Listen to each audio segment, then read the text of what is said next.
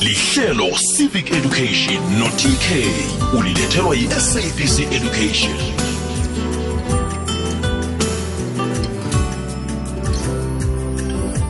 Ikwekwezi FM kukhanya ba siyalotshisa siyakwamukela mlaleli ntambama namhlanje sikungelesine.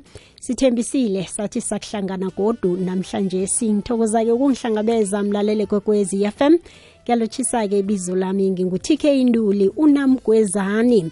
Singena ehlelweni lethu lezefundo i-civic education eh ulethelwa zimfisela buhle ze-sabc radio education enriching minds enriching lives ulithola qobe ngelesine nayimashumi amathathu imzuzu ngemva kwesimbi yethoba bekubethe isimbi yechumi.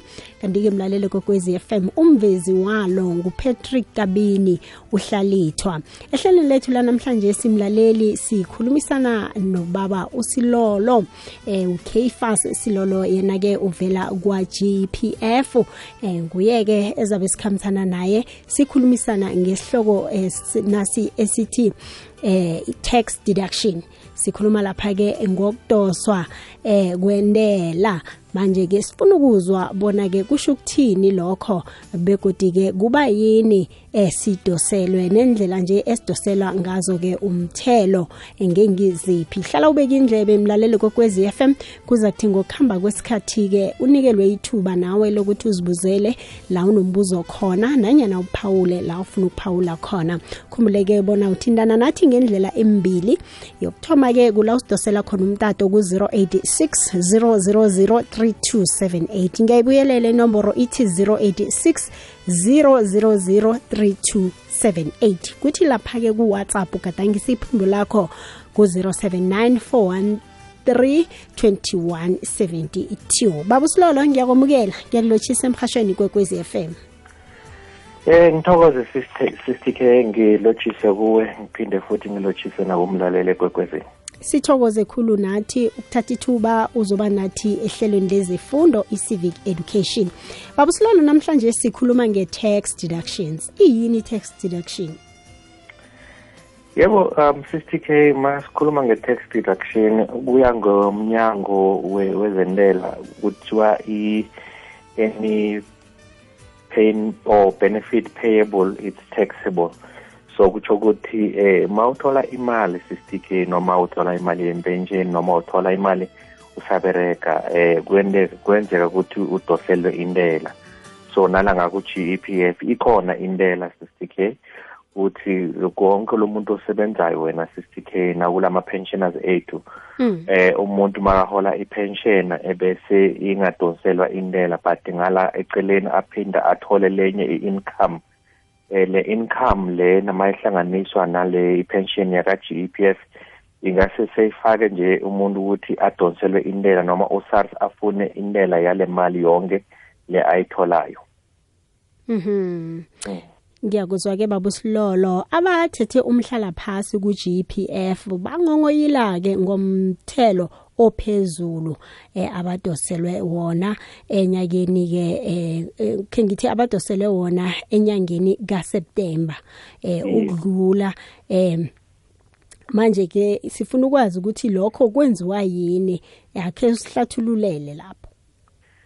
Yebo sister K umnyango wezentela uSARS uthe kune tax legislation lesha leka azenayo le ukuthi wena sister K ukhumbule ukuthi njengoba sibereka nje njengoba ngitshilo ngathi intela siyadonselwa. Kepha-ke kunalabantu bayabereka uthole ukuthi umuntu uyabereka ngala eceleni uphinda abe nebhizinisi. Leli mfakela yona imali ngatsho ngithi i-income so usars lo akwenzayo kwanyala ukuthi ubuka ngala kwi-payment lo itholayo le mhlawumbe ye-pension aphinde aqale ngale hlangothini lokuthi ngala ngase-akhawuntini yakho ebhenk kunemali le nayo engenayo. So lokwenzeka ukuthi usars ubuka wonke lama-income noma lezi mali ezingenayo kwi-akhawunti yakho. Ebese yena uzocalculate intela lekumele wena njengemhlawumbe ipension noma ngubani loberekayo adoselwe le ntela. So lokwenzekile kule nyanga lesindlula kuye wena sike ukuthi usars uyenzile lokuthi abantu abuke laba abantu esibabiza ngokuthi banama multiple income lokusho ngisho ngisho ngithi kunolo oholayo ngala aphinda abe ilingeno likhona ngaleceleni so uSARS lo akwenzile ukuthi uye wakhipha incwadi wathumelela eGPF ukuthi sithumelele amalunga ethu ngoba saqala ukuthumelela amalunga ngabo August sibazisa ukuthi kumele baye kwaSARS bayolungisa indaba zabo zendela ngoba uSARS uzorecover noma uzothatha le mali le ngathi bayayikoleta kulama pensioners abo. So kwenzeke ngalokho ngaleyo ndlela wena sisike ngiyakuzwa ke baba Silolo abanye ke abathethe umhlala phasi bathi lokhu azange batshelwe ngakho. Ungaphendula uthini kuloko iya ngatsho ngithi labaningi vele bathi abazange batshelwa ngakho mathi le nto yenzakele wena sisike ukuthi lezi ncwadi maziphuma ngalanga ku-g p f zikhambe ngeposi. So siyazwisisa ukuthi ezinye zabo zikhambe zadileya wena sisike Hmm. but labanye bathi bazitholile ngesikhathi le ncwadi bakhona ukuthi balungise le ndaba yabo yentela. But siyaxolisa kakhulu ngoba labanye siyazwisisa ukuthi vele njengoba siziposile le ncwadi ngoba vele usars bekafuna sizipose zikhambe zadileya so ngiyo le ndlela yokuthi mhlawumbe nathi iposi yala ekhaya isidelayile ukuthi bazithole lezi ncwadi khona balungise indaba zabo zentela zentela wena sithike Mhm. Imbalo balo ke zithini ngalabo ke abathindekileko ngalokho begodi ke bangaki abaphumileko ebekube nje bakhona mhlambe ke abathethe umhlala phasi eh abangenileko? Sister K ngatsho ngithi le nto ithinta ama-pensioners ethu lamaningi khulu wena Sister K. Maningi khulu ama-pensioners lathintekile but ngatsho ngithi wonke umuntu lo ubone ukuthi imali yakhe yepenshena ngala eceleni iye yathinteka yaphunguleka kakhulu. Sibawa ukuthi vele avakatshele ama-ofisi ethu e-GEPF noma asidosele umtato ukuthi akhone ukulungisa le ndaba yentela ngoba uma ungakalungisi izokuchubeka kanjalo bayidose le mali. Until wena uchumana no-SARS uvumelana ukuthi uyenza i-arrangement ukuthi u-SARS makabuka le le le income lo ithola ngalanga ku-GPF naleya akhone ukubhalansisa kahle adose intela efanele. So umuntu vele njengoba athola impension ngalanga ka-GPF naku siyababawa kakhulu sithi basivakatshele and then sizokhona ukuthi sihlale phansi sibanikele le ncwadi batshele ukuthi bazilungisa njani into zabo zentela ukuthi ingachubeki kepha labangakalungisi iyachubeka ndala nemali iyadoseka. Wena sisike Eh, babusilolo ngibawa siyogwinya mathi siza kubuya. Alright ngabe ulilunga le-government employee pension fund namkha uthola imali yomhlalaphasi begodu bewuthanda ukwazi bona imali yakho yepension ibalwa njani? Kulula lokho. Lalela ikwekwezi fm qobe ngelesine nayimachumi amathathu ngemva kweyethoba ebusuku. Uzokuthola nethuba lokuthi uzibuzele imibuzo esithekelini sethu samhlokho. Ungaphundwa. Gepf your investment your future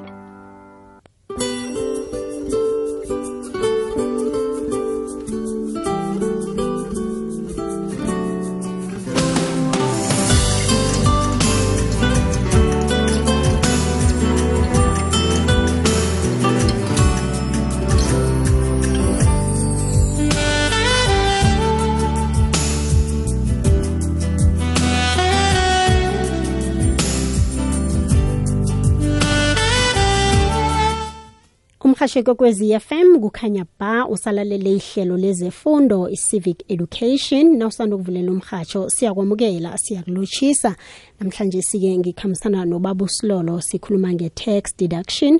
Mlaleli kwekwezi FM siyayivula-ke imtato yethu. Ungasithoma ungathoma usidosele nawe nangabe unombuzo ku-086 0003278 kanti-ke ugadangise iphimbo lakho ku-079 413 2172 nangabe-ke unombuzo. Baba usilolo ngiyathokoza-ke ukungibambela.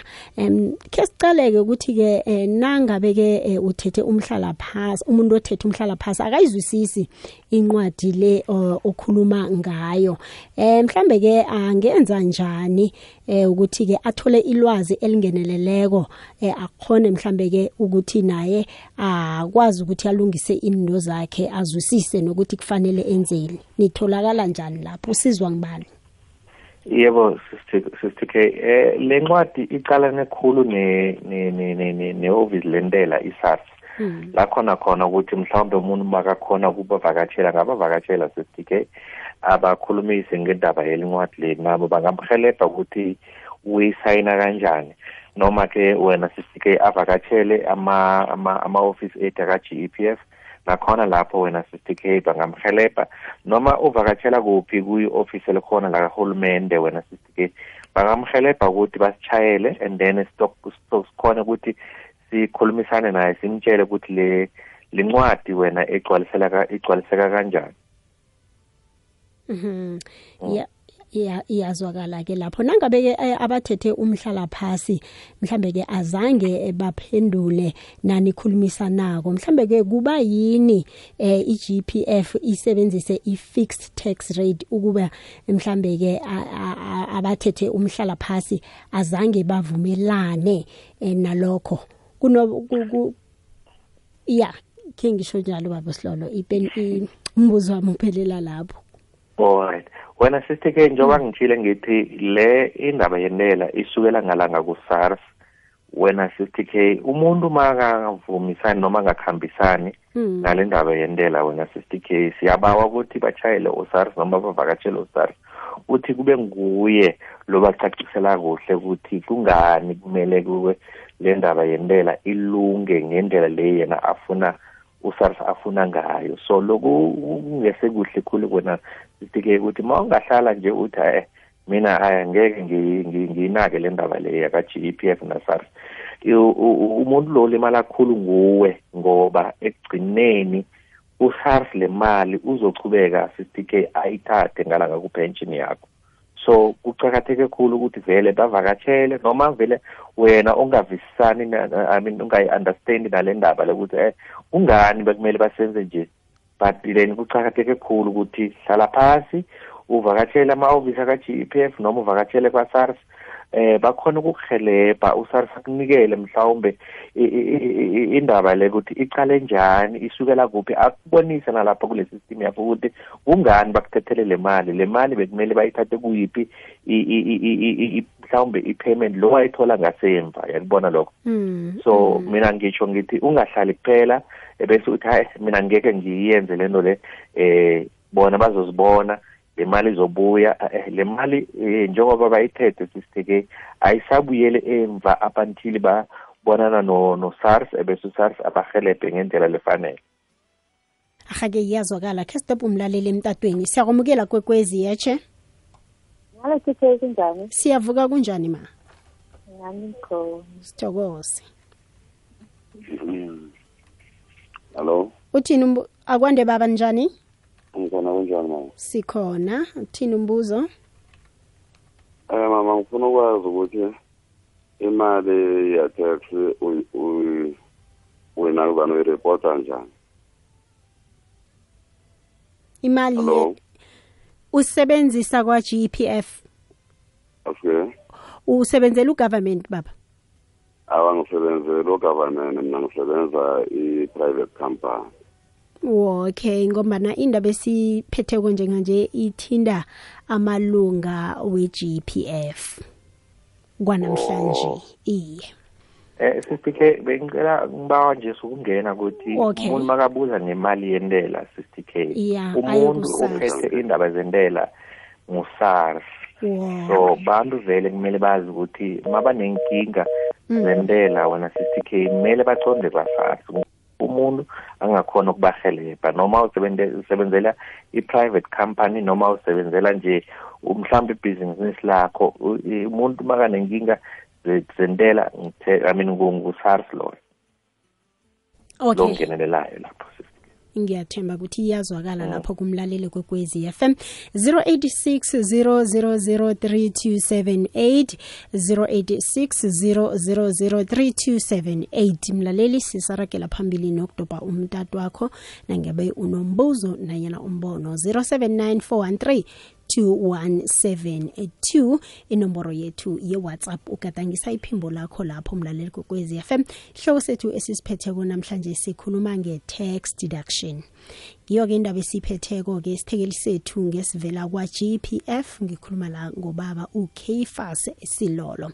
Sirakela phambili-ke njalo babusilolo eh mhlambe khe sicaleke ukuthi ingabe ukudoswa komthelo lo ofana nalo eh kubeke ngoko- ngokwenyanga eyodwa kwaphela eh nanyana mhlambe ke kuzokuba khona neminyakeni ozako. Bangenzani mhlambe ke ukuvikela ukuragela phambili eh kokudoswa kwayo?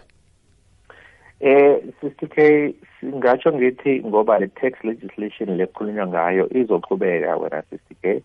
Lokubaleke kukhulu ukuthi umuntu vele avakatshele amahhovisi entela akhone ukuthi bamhelebhe ukuthi njengoba uthola imali lezo zitholayo mhlawumbe ngenyanga nenyanga siyabawa ukuthi wena usifakele imali yentela bazombethela ama-calculation bamkhombise ukuthi le mali le kumele idoseke kule ntela kuzoba yimalini. Sokuthi lo muntu angahlupheki ngoba noma bangakayidosi le mali sistikheni but makufike lesikhathi lesisibiza ngokuthi i-tax season isikhathi seyintela uyothola so ukweleta usasa imali le- leningi khulu wena sister so kumele umuntu nomuntu amake sure ukuthi indaba yakhe yentela ihlala ikhamba kuhle nosasa iyazwakala.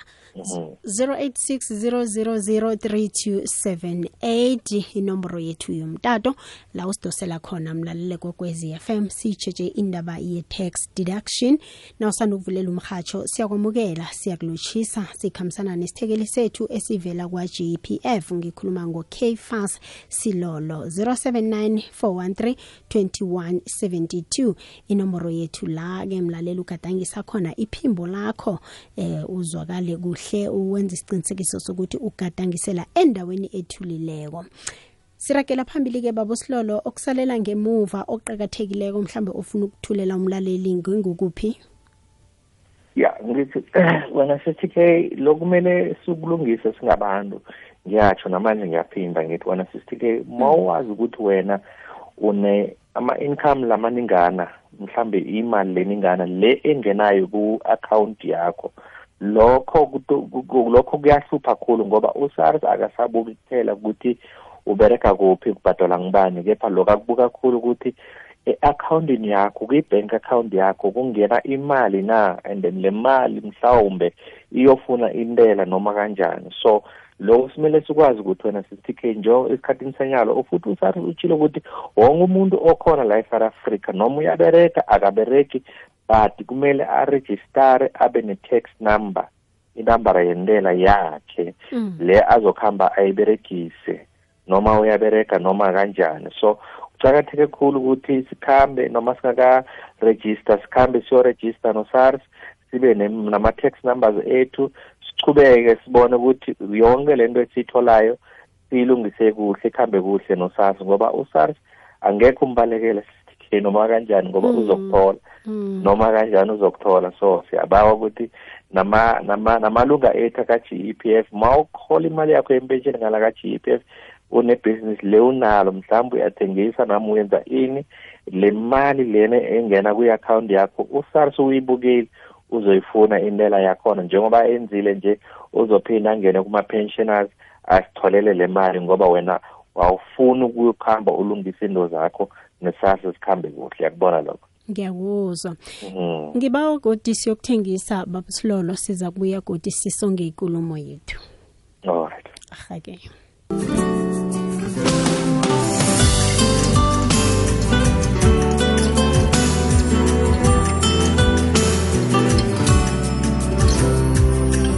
lithoba kwaphela imizuzu eseleko ngaphambona kubethe isimbi yechumi usalalela umhasho f fm kukhanya ba uhlezi nami utk induli unamgwezani ngaphakathi kwehlelo le-civic education.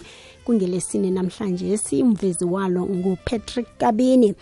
Khumbule ngesimbi yechumi umindlo love uregela phambili nehlelo sizigedlile bekubethe isimbi yechumi nambili namhlanje simlalele kokwezi FM babusilolo ngithokoze khulu kwamambala ukusibambela. Sesiyayisonga-ke ikolomo yethu ngalesi sikhathi ocakathekileko nje kukuthi sithole inomboro zomtato la nitholakala khona njengebakwa-gpf yes inomboro zethu zomtato zesitk zingele ndlela zithi 08 zero zero one one seven six six nine 0800117669 noma abantu bangasibhalela noma i-email i-email yethu ithi inquiries at gepf co za inquiries at gepf co za siyatholakala emtatweni from half past mhlawumbe ngitsho ngithi from 8 o'clock ekuseni up until 4 o'clock emini Mhm. Sithokoze khulu kwamambala ihlathululo yonke osiphe yona sihlangane kodwa emahlelweni alandelako wezefundo. Ngithokoze sisike Hake mlaleli kokwez f m besikhulumisana naye nguye la ubaba usilolo ovela kwa GPF.